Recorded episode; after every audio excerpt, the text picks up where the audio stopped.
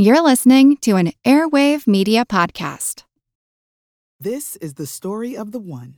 As head of maintenance at a concert hall, he knows the show must always go on. That's why he works behind the scenes, ensuring every light is working, the HVAC is humming, and his facility shines. With Grainger's supplies and solutions for every challenge he faces, plus 24 7 customer support, his venue never misses a beat.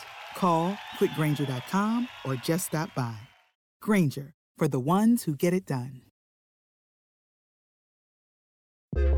The world is constantly changing and transforming. Cut through some of the noise with What's New with Wired, a podcast that goes in depth on the latest news and technology and culture. Their award winning journalism will help you make sense of what's happening in the world. Listen to What's New with Wired wherever you get your podcasts. That's What's New with Wired wherever you get your podcasts. This is Kickass News. I'm Ben Mathis.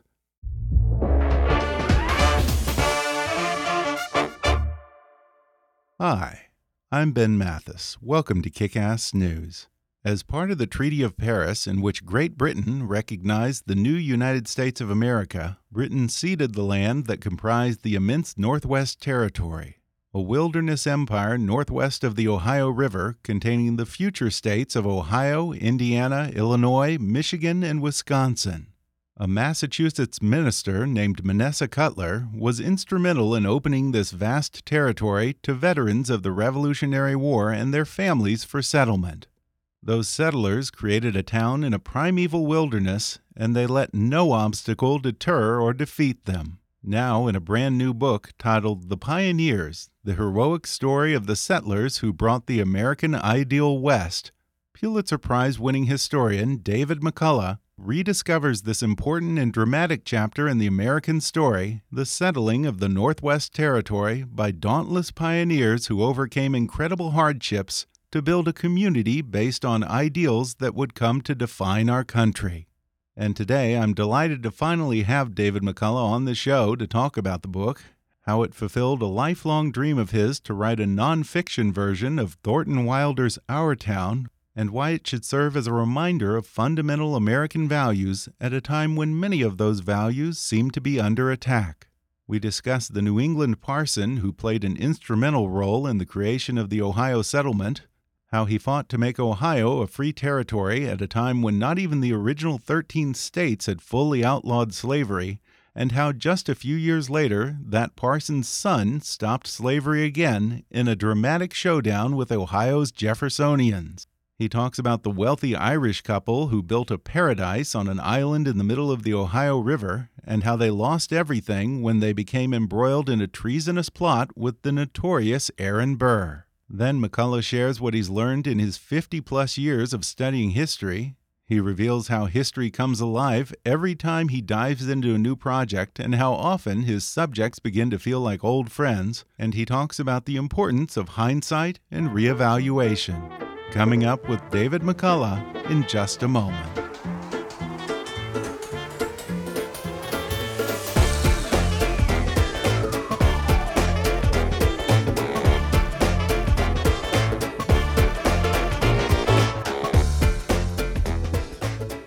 David McCullough is America's greatest living historian, the author of 12 books, and the recipient of the Presidential Medal of Freedom. He has twice received the Pulitzer Prize for his books Truman and John Adams, and twice received the National Book Award for The Path Between the Seas and Mornings on Horseback. His other acclaimed books include The Johnstown Flood, The Great Bridge, Brave Companions, 1776, The Great Journey, and The Wright Brothers. Now he's written about a lesser known but no less engaging chapter in American history in his latest book, The Pioneers The Heroic Story of the Settlers Who Brought the American Ideal West. Mr. David McCullough, thanks for joining me. My pleasure, and I'm delighted to be included. And you don't specialize in trick questions, is that right? Uh, no, no, I don't think so. I don't. I don't. I can't imagine Okay. what would trick you at this point in your career. Yeah. well, I have to tell you, it is such an honor to finally have you on the show. I've been a big fan of yours ever since I first read Mornings on Horseback, gosh, so many years ago, I guess. Uh, and I thoroughly enjoyed the new book, The Pioneers. Thank you. You say that this book was the culmination of a long desired plan to write a nonfiction equivalent of Thornton Wilder's Our Town. And I believe that you knew him personally. I did know Mr. Wilder. He was a fellow, as they called him, at Yale University when I was an undergraduate there. Talk about the privileges of a of an education of that kind. Yeah. Uh, he he was often in the dining hall at lunch or at dinner even, and you could go over and sit down and chat with him, talk with him. And he was a very warm spirited and obviously stimulating man and interested in us and interested in having debates or conversations about this or that. And then I saw our town and was just swept away with it. But ever since then, I've had this dream that maybe someday I would write a nonfiction book, a history book, about a town and about people you've never heard of and make them come to life. I always felt that we have in our story as a nation hundreds, if not thousands, of people who have led interesting and or admirable and or adventurous lives about whom we know nothing. I've always felt too that the community in which we grow up, in which we have our outlook on life formed, and the people who make a community and who live their lives out in the community are just as interesting and as compelling as human beings as the main characters of a play like Thornton Wilder's Our Town. But the chances of ever finding a collection of material from which that book could be drawn were so remote that I imagined I probably would never be able to do it.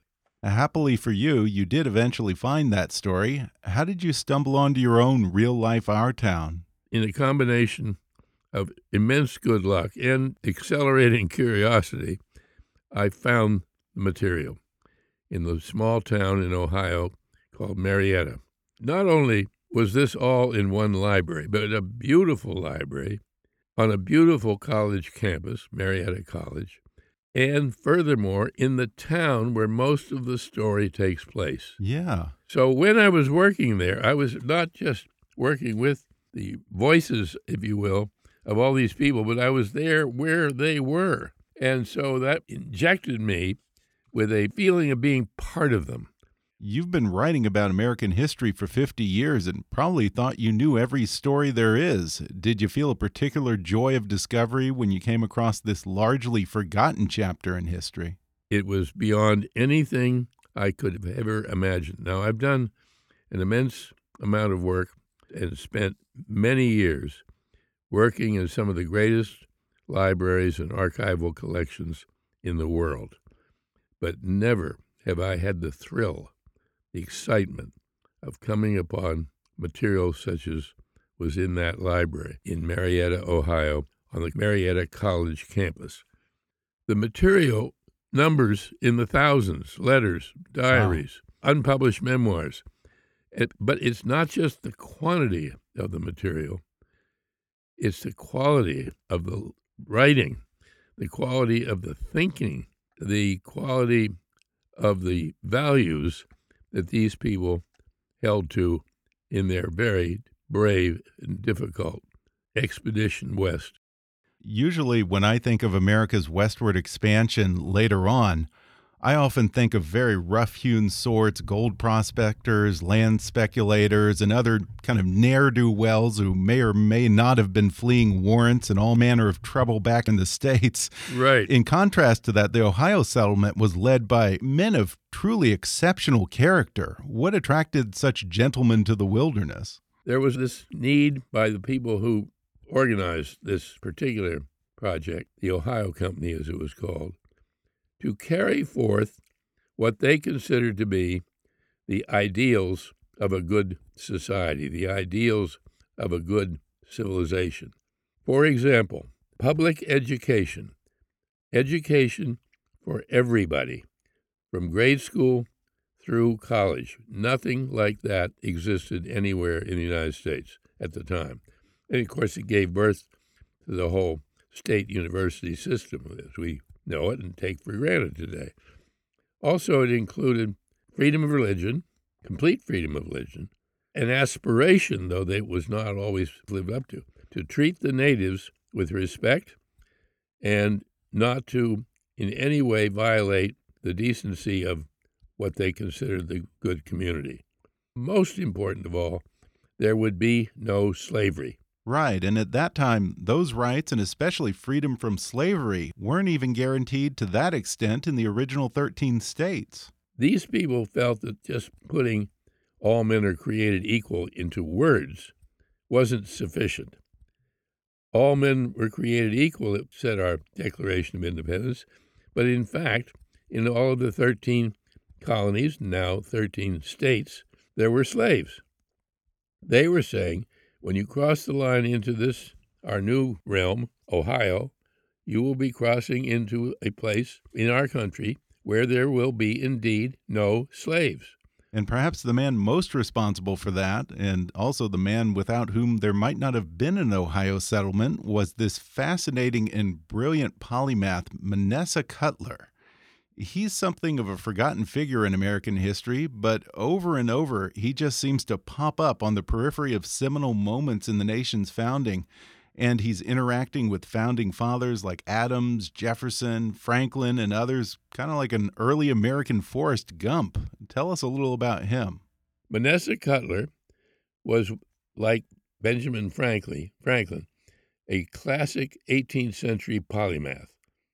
In other words, somebody who's interested in and knows a great deal about almost everything. He was three doctors in one. He was a doctor of law, a doctor of medicine, and a doctor of divinity. He spent his life primarily as a parson, a minister at the church in what is now Hamilton, Massachusetts. But he was also, if not the leading botanist anywhere, a leading botanist in our country. And he was interested in new language, interested in everything.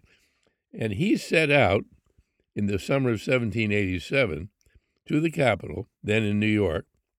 He'd never been out of New England, to lobby, as we now would say, the word expression hadn't been developed yet, but to lobby for this idea of a new part of our country where there would be no slavery and there'd be public education and the rest. And the miracle of it is he did it. Let me ask you this, David. What drove the first pioneers to settle the Ohio Territory? What were they coming there for? Well, several things. First of all, um, as few people know, and I must admit I didn't know until recently, there was a, a depression that followed the Revolutionary War that lasted almost as long as the war itself, which had lasted eight and a half years. And it was a worse depression, even in many ways, than was the famous depression of the 1930s. Really? Eh, oh, it was, it was terrible, and particularly in New England. And of course, New England farming was always a struggle with all the rock and the really shallow topsoil.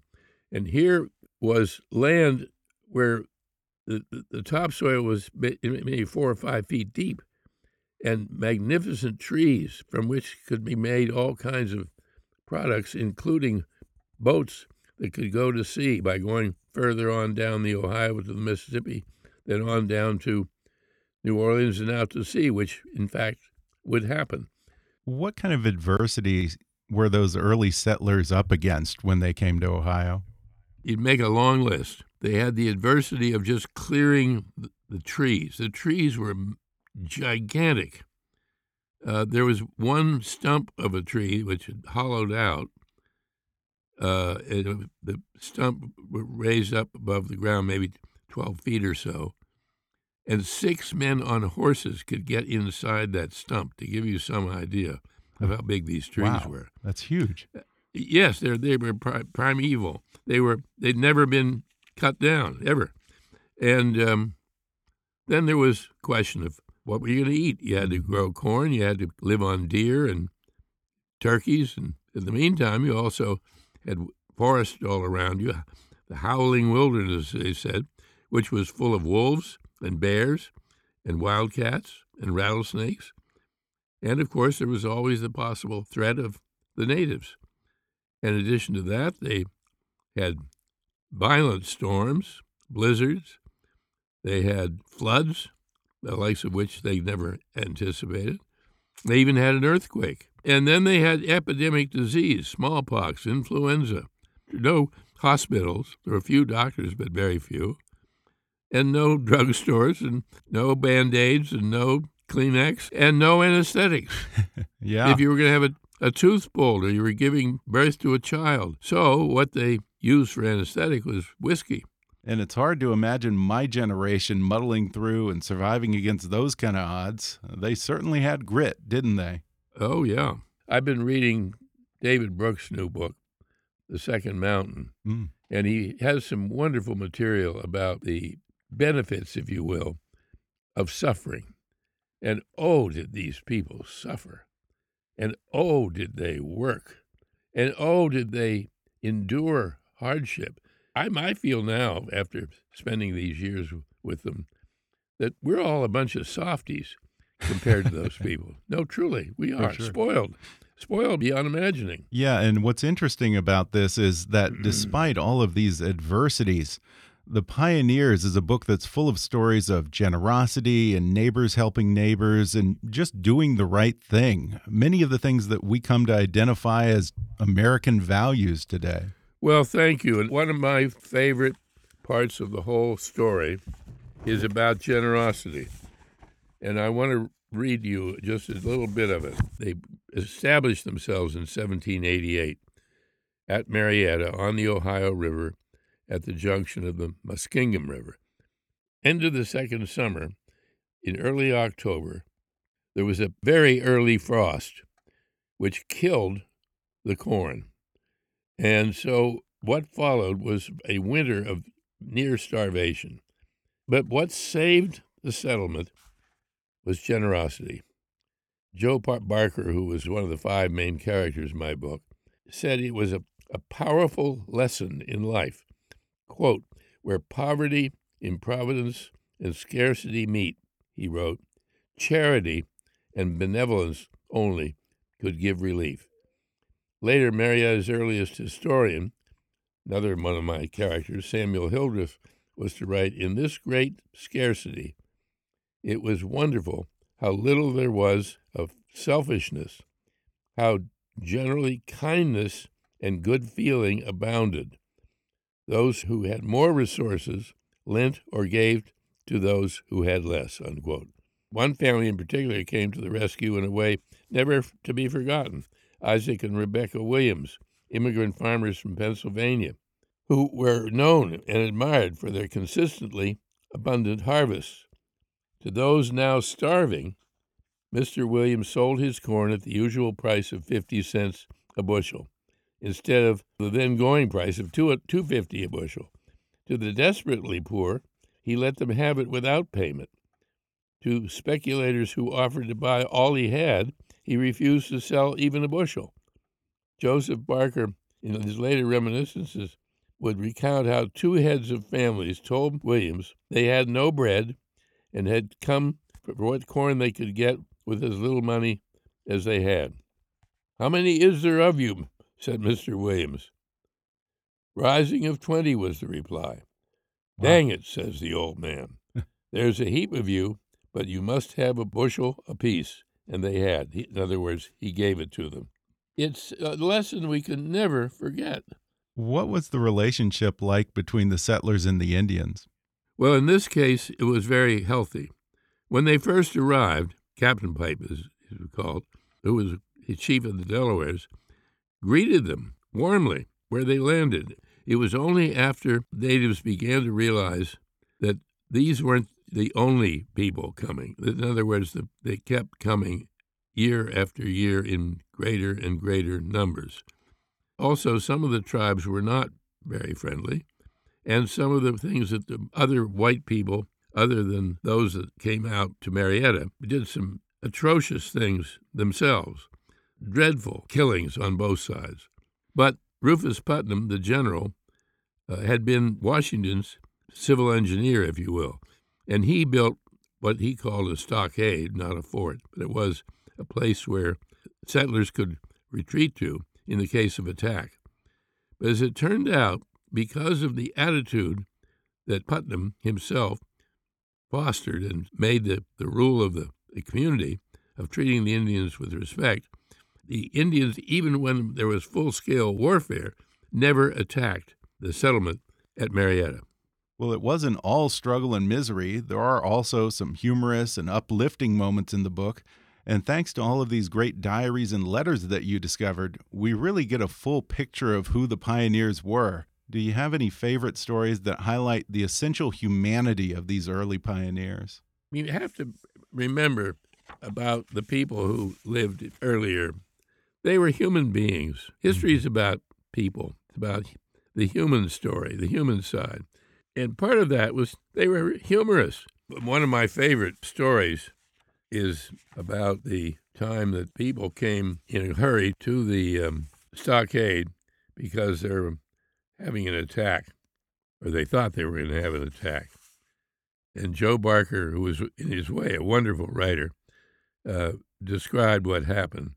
And if I may, I'd like to read you just a bit of this. Please. All was consternation, wrote Joseph Barker, who with his family was still quartered in the garrison stockade, and who went on to describe the scene in his own distinctive way. Every one made immediately for his alarm post. The first person for admittance at the central blockhouse was Colonel E. Sproat with a box of papers.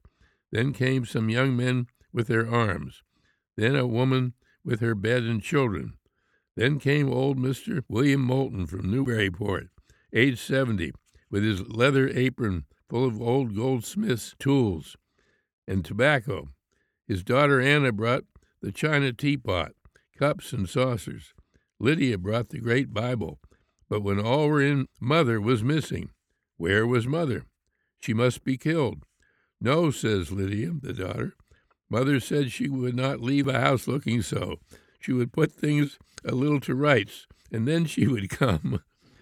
Directly Mother came, bringing the looking glass, knives, forks, and spoons, etc. But I just love that scene that Yeah. she's not going to leave that house in a mess, uh, it, it, even if the attack attack was coming. Yeah. Uh, another fa- my favorite scene is the old fellow named Jedediah Bagley, who was an itinerant violinist or fiddler, as they call him. He'd play at weddings and dances and so forth. He roamed from settlement to settlement, and he was outside Marietta, not far from Marietta, one night, and he got chased by wolves. In the, it was in the snow, in the, and he managed to pull himself up a willow tree by the riverbank, and somehow or other he got his fiddle out of its pack on on his back, wrapping his legs around the tree. He began to play his fiddle for the wolf pack down below, and he played all night long, and eventually they went away. and then he came down out of, when morning came, he came down out of the tree, and just to be sure he made it back to the town, he played his fiddle all the way through the forest in the snow until he was within safe reach of the of the village. He must not be a very good fiddler if he could scare away wolves. Well, well, well, no, I think he charmed them. I okay. think they they calmed down and began to appreciate the magic of music. Yeah. We're going to take a quick break, and then I'll be back with more with David McCullough when we come back in just a minute.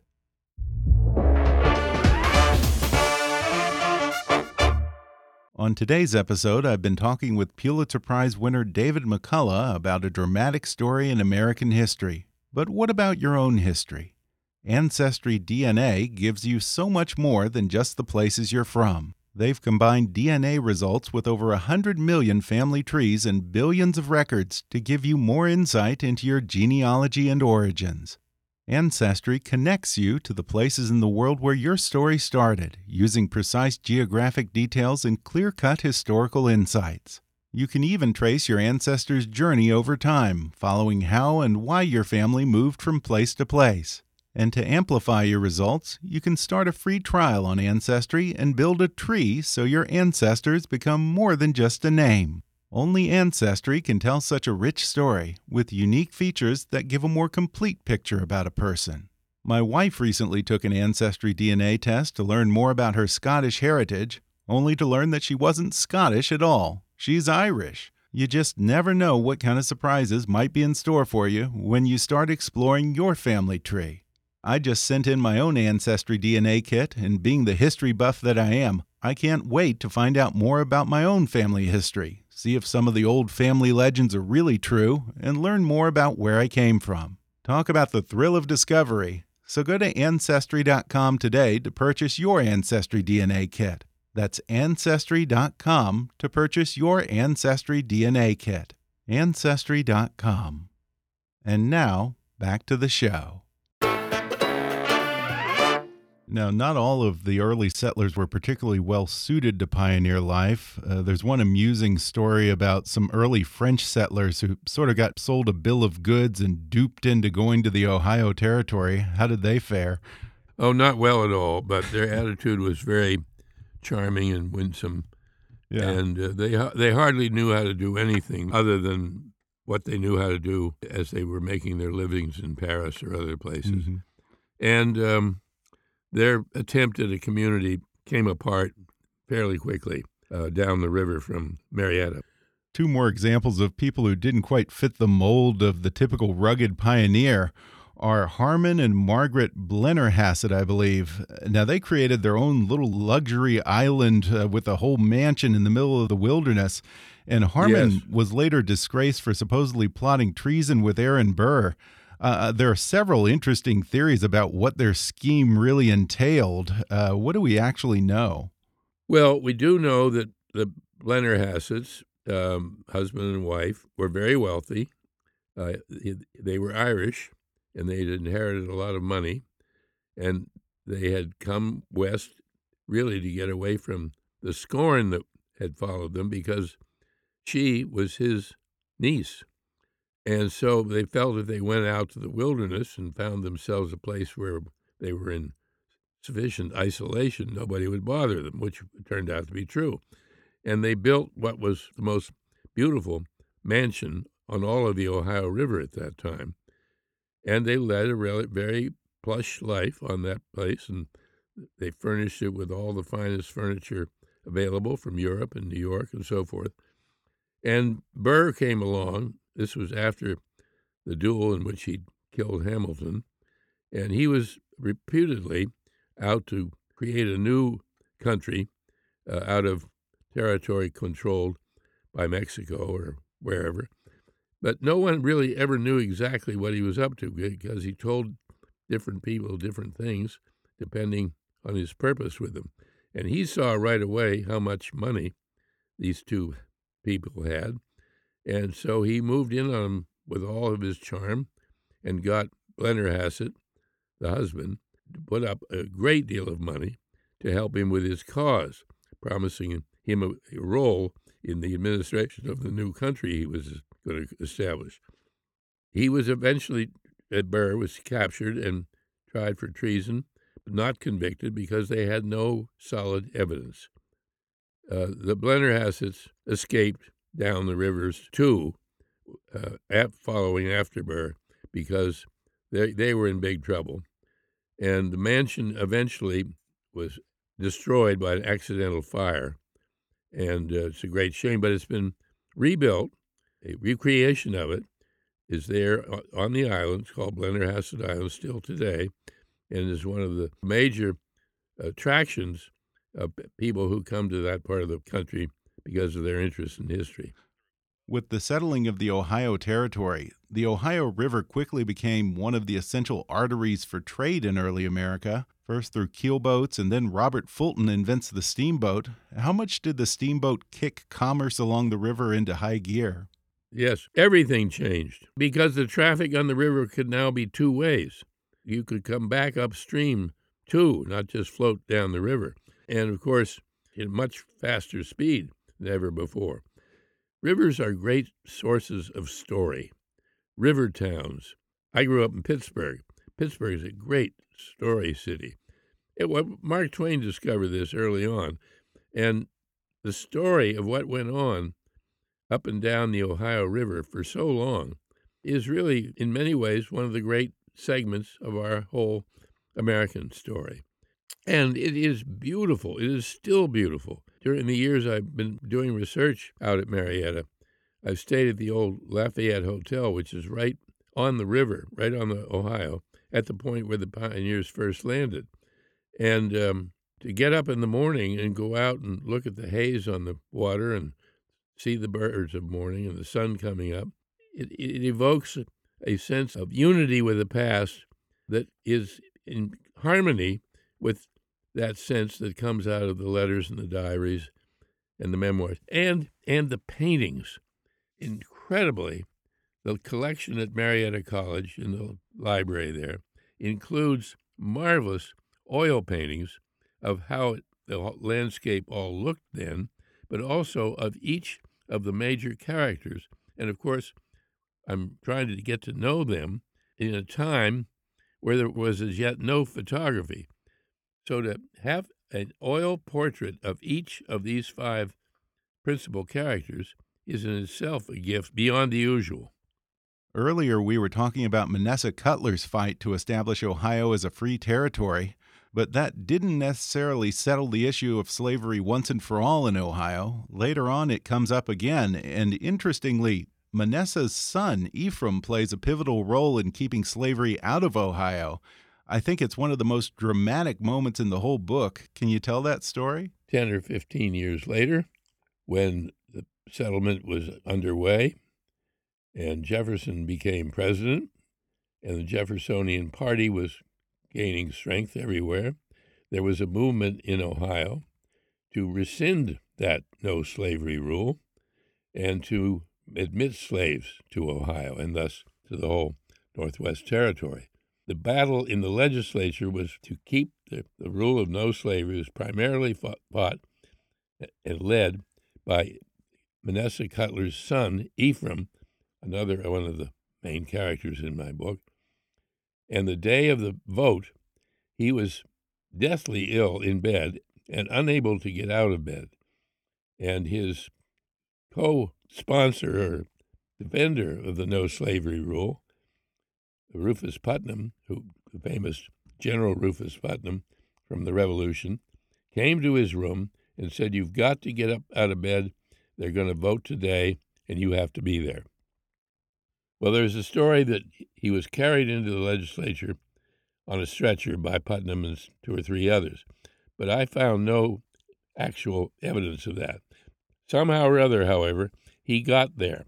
He got into the legislature. He gave a speech defending the no slavery rule as it stood, and he cast his vote. And the no slavery cause won by one vote. Honestly, if this was all written as a novel, I have a feeling most editors would say, well, that's a nice scene, but that wouldn't really have happened. Yes, yeah. it did. And to me, yeah, sounds like a movie. It's one of the most powerful scenes in our whole story as a country. Ephraim Cutler also became the leading proponent of education in the Ohio Territory, advocating for the first public schools and universities, which is all the more ironic because he was deprived of a proper schooling himself.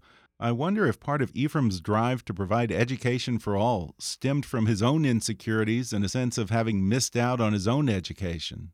Oh, a great deal. And, and his grandfather, who had sent Manasseh, the father, to Yale, was unable to send him to any college because of financial situations. And apparently, Manasseh was not in a position to do much in that respect either. I see. So he never went to college. But he was a reader much of his life, and he never learned to spell. Personally, I think that makes him all the more admirable as a mm-hmm. character. Definitely. And and his partner, the other most important uh, voice for public education, Rufus Putnam, had even less education than, than Ephraim did. And of course, that was not unusual in that day. Many of the women had were illiterate. One of the reasons we have so few, almost no letters and diaries kept by them or written by them. And it wasn't just Ephraim Cutler, but more generally, the pioneers seem to have placed a high value on education. Where did that come from? Why was that? Because they felt our minds were not capable of understanding or appreciating God unless we could read, most significantly, read the Bible. And they also felt that learning never stopped. The more you learned, the more you wanted to learn. And one of the most touching expressions of that, in my view, is one of the oil paintings is of Joe Barker. Joe Barker, who had no education, who was a carpenter, who then became one of the leading architects of the time, and a, a superb architect. But in Joe Barker's portrait, when he posed for the portrait, he holds a book. And clearly, it's his pride in that book that he doesn't want to be left out of the record of who he was and what he looked like. And he had a library that he built himself. And, and he was as proud of that library as anything imaginable. Now, keep in mind, too, please, all these people are devoted to their families. And they all had anywhere from six to eight to ten children. Oh, boy. yeah. Joe, Joe Barker, by the time he died, are you ready? Had 63 grandchildren. Oh, that's a lot of Yes. birthdays to keep up with. Well, indeed it is, but it's also a lot of help because the children True, all true. worked, and work was part of the ethic of life. Um, Manasseh Cutler, the preacher from uh, uh, Hamilton, built a third floor onto his parsonage there, all of which are still there by his church and the parsonage. And now, all of your books seem to have something to say about the current era in our history, or perhaps it's just that we're viewing those stories through the lens of the moment. Uh, what aspects of this book do you think speak to the current historical moment here in America?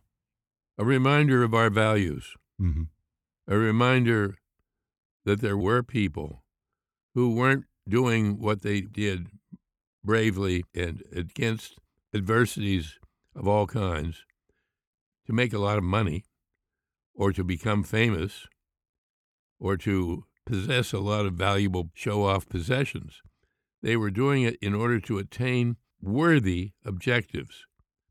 And we have to understand that they were coming out of what was the Puritan tradition. Now, I grew up with a, a general understanding that Puritans were people who, who always wore black and, and, right. and, and, who- and who never wanted anyone ever to have any fun. Yeah. And, and um, that's absolutely not true. They wore very colorful clothing and they loved to sing and dance and have a few drinks, as everybody. But they had certain basic objectives, and one was to be useful, to have a life where your days were useful to the betterment of the community and of your family. If you hmm. don't mind, I'd like to just read you something that I think is a wonderful expression of that, and that's one of Joe Barker's granddaughters, Catherine, who would remember how they were raised at home. And I think more and more that how we're raised at home is a subject we need to know more about. Yes, school is of the utmost importance. It's those values, those do's and don'ts of life. Tell the truth, don't cheat, help other people, all of that that is as important or more important than what we learn at school. At home, the Barker children were raised, as Catherine would remember, quote, to be useful, to be pleasant with our playmates, respectful to superiors, just to all, black or white, good to the poor, not showing pride or selfishness, but kindness and goodwill, and to see to it that we look to our own faults more than the faults of others. And she would love to quote much of her life words to the wise that were most frequently repeated by her mother. Count the day lost at which the setting sun sees at its close no worthy action done. Profound. How wonderful if we could return to that outlook. If we could Absolutely. bring our children and grandchildren up with that in mind. Yeah. Make the world, your world, your family's world, a little better for your having been here. They really were the very best of America. Now, when you spend years researching people like the pioneers, learning about their lives, what their hopes and disappointments were, what their family life was like, and even what others thought of them, do they begin to feel like old friends? What's that relationship like between a historian and his human subjects? I'm often, I'm, I'm often asked, Are you working on a book? And I say, Yes, I am. What I really want to say is, I'm working in a book. I get inside the subject and I get not only inside know to know these people, but I get connected to them. I'm still connected. I feel connected to Harry Truman and John Adams and the Roeblings who built the Brooklyn Bridge. I feel connected to those people who went to Panama to build the canal. Um, and I always will as long as they live. And I, and you get to know them in a way you in the way you don't know people in real life because for one thing in real life you don't get to read other people's mail and That's and, true. and of course today nobody even writes letters anymore so um, here here they're pouring out their innermost thoughts their ambitions their their um, worries their sufferings Before we go, I just want to ask you one last question. Uh, David, you are now 85 years old and still going strong. Do you look back at history with any more wisdom or a different perspective than you did when you first began writing history 50 or more years ago? Oh, indeed. And um, I couldn't have been happier in my work. I've never played golf or tennis or wanted to lie on the beach all day. I love my work. I get up every morning and want to get back to work. I've never, and I, this is, is hard for some of my academic friends to understand. I've never undertaken a book on a subject about which I knew very much. Really? Really, truly, including this one, including every book I've written. And people say, well, how can you do that? Or why do you do that? I don't know. But I feel if I know all about the subject, I don't want to write the book. Because for me, writing the book is the adventure. Writing the book is for me taking the PhD course in the subject. And the curiosity accelerates the farther you go. The more you know, the more you want to know. And I've never undertaken one of these books during which I didn't find something that nobody else had found. and oh, oh, what a lot I've learned. Not just about what happened, when, and so forth, but about the human spirit, the human capacity for admirable behavior, admirable accomplishment. Yes, sure, all of us are, have our faults and make mistakes. And yes, sure, there are people who are downright evil and duplicitous and disgusting, but they're the shadows. And the shadows are what help us to see the light. And um, when that light bursts forth, and you see it in the building of a great bridge or a presidency that turns to increasingly admirable the more we know about it, bringing characters who've been misplaced in our lineup is to me one of the joys of the way. And, and with both Harry Truman and John Adams, I feel I had the chance to do that. Yeah. Isn't it funny the perspective we get with just a little bit of hindsight? I, I, just want to tell you one, if I may, one quick story. I grew up in a very old-fashioned Republican family in Pittsburgh, and the night of the '48 election, I was still in high school, and I got very excited about politics and interested in it for the first time, and tried to stay up the night that the election went on. And as you may remember or know, the election wasn't decided until something like two in the morning. Yeah. And I tried to stay awake, and I simply couldn't. I fell asleep about midnight. The next morning, I got up, and my father was in shaving, and I went in and said, Dad, Dad, who won? And he said, Truman, like it was the end of the world. and 30 years, 25 years later, I was back home, and we were sitting chatting after dinner, and he started in about how he, the country was going to hell, the world was going to hell. and he said, after a pause, Too bad old Harry isn't still in the White House. and we see things differently as time passes. Mm-hmm. You have, as Truman himself used to say, you have to wait for the dust to settle Yeah. to really uh, to really see what we call the past. And always, we should always remember there there is no such thing. There was no such thing as the past. Everybody. They didn't live in the past. They didn't walk around. Isn't this fascinating? Living in the past it was in the present, and Yeah. they had no more idea how it was all going to turn out than we do. that is so true. Wise words. Well, I thoroughly enjoyed the book, and I can't recommend it enough to folks listening. It's called The Pioneers The Heroic Story of the Settlers Who Brought the American Ideal West. David McCullough, it's been such a pleasure and an honor. Thank you for talking with me. Thank you, Ben, very much, and keep up your good work.